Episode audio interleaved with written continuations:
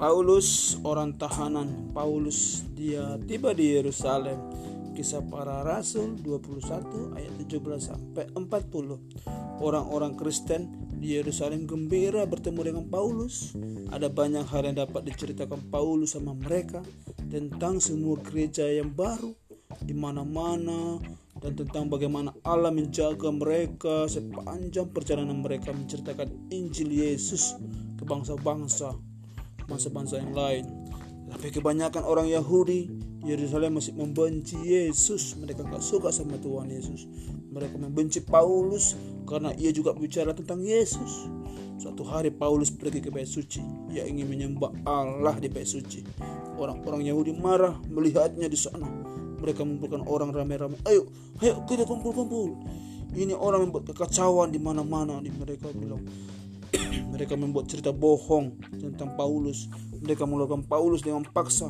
Ayo keluar kau dari bait suci itu, dari gereja itu keluar kau, dibilangnya. Mereka menyeretnya ke jalan. Mereka mau membunuhnya.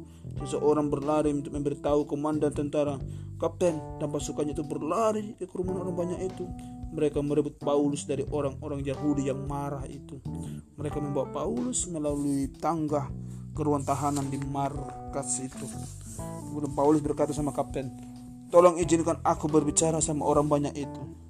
Jadi kapten itu mengizinkan Paulus berdiri di tangga. Paulus Paulus memandang ke bawah kerumunan orang yang ramai itu. Mereka mengacung-acungkan tinju mereka kepadanya. Mereka ingin menangkapnya lagi, dibilang. Tapi Paulus mengangkat tangannya hingga mereka semua tenang. Lalu Paulus menceritakan kisahnya. Kata Paulus, dulu aku juga benci sama orang-orang Kristen. Aku memasukkan mereka ke penjara. Suatu hari aku pergi ke Damsik.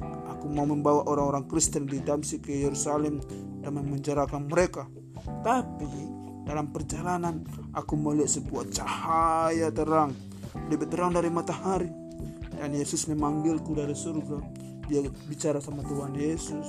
Lalu aku percaya kepadanya dan dia mengutus aku untuk memberitahu orang-orang di mana-mana tentang Sang Juru Selamat yaitu Yesus untuk sementara waktu yang ramai itu mendengarkan, tapi kemudian mereka tidak mau mendengarkan lagi. Mereka mulai melemparkan aku kepada Paulus. Mereka menyerahkan kapten dan saudara-saudara itu. Jadi kapten itu membawa Paulus dan masukkannya lagi ke penjara hingga orang-orang Yahudi tidak dapat menangkapnya lagi. Amin.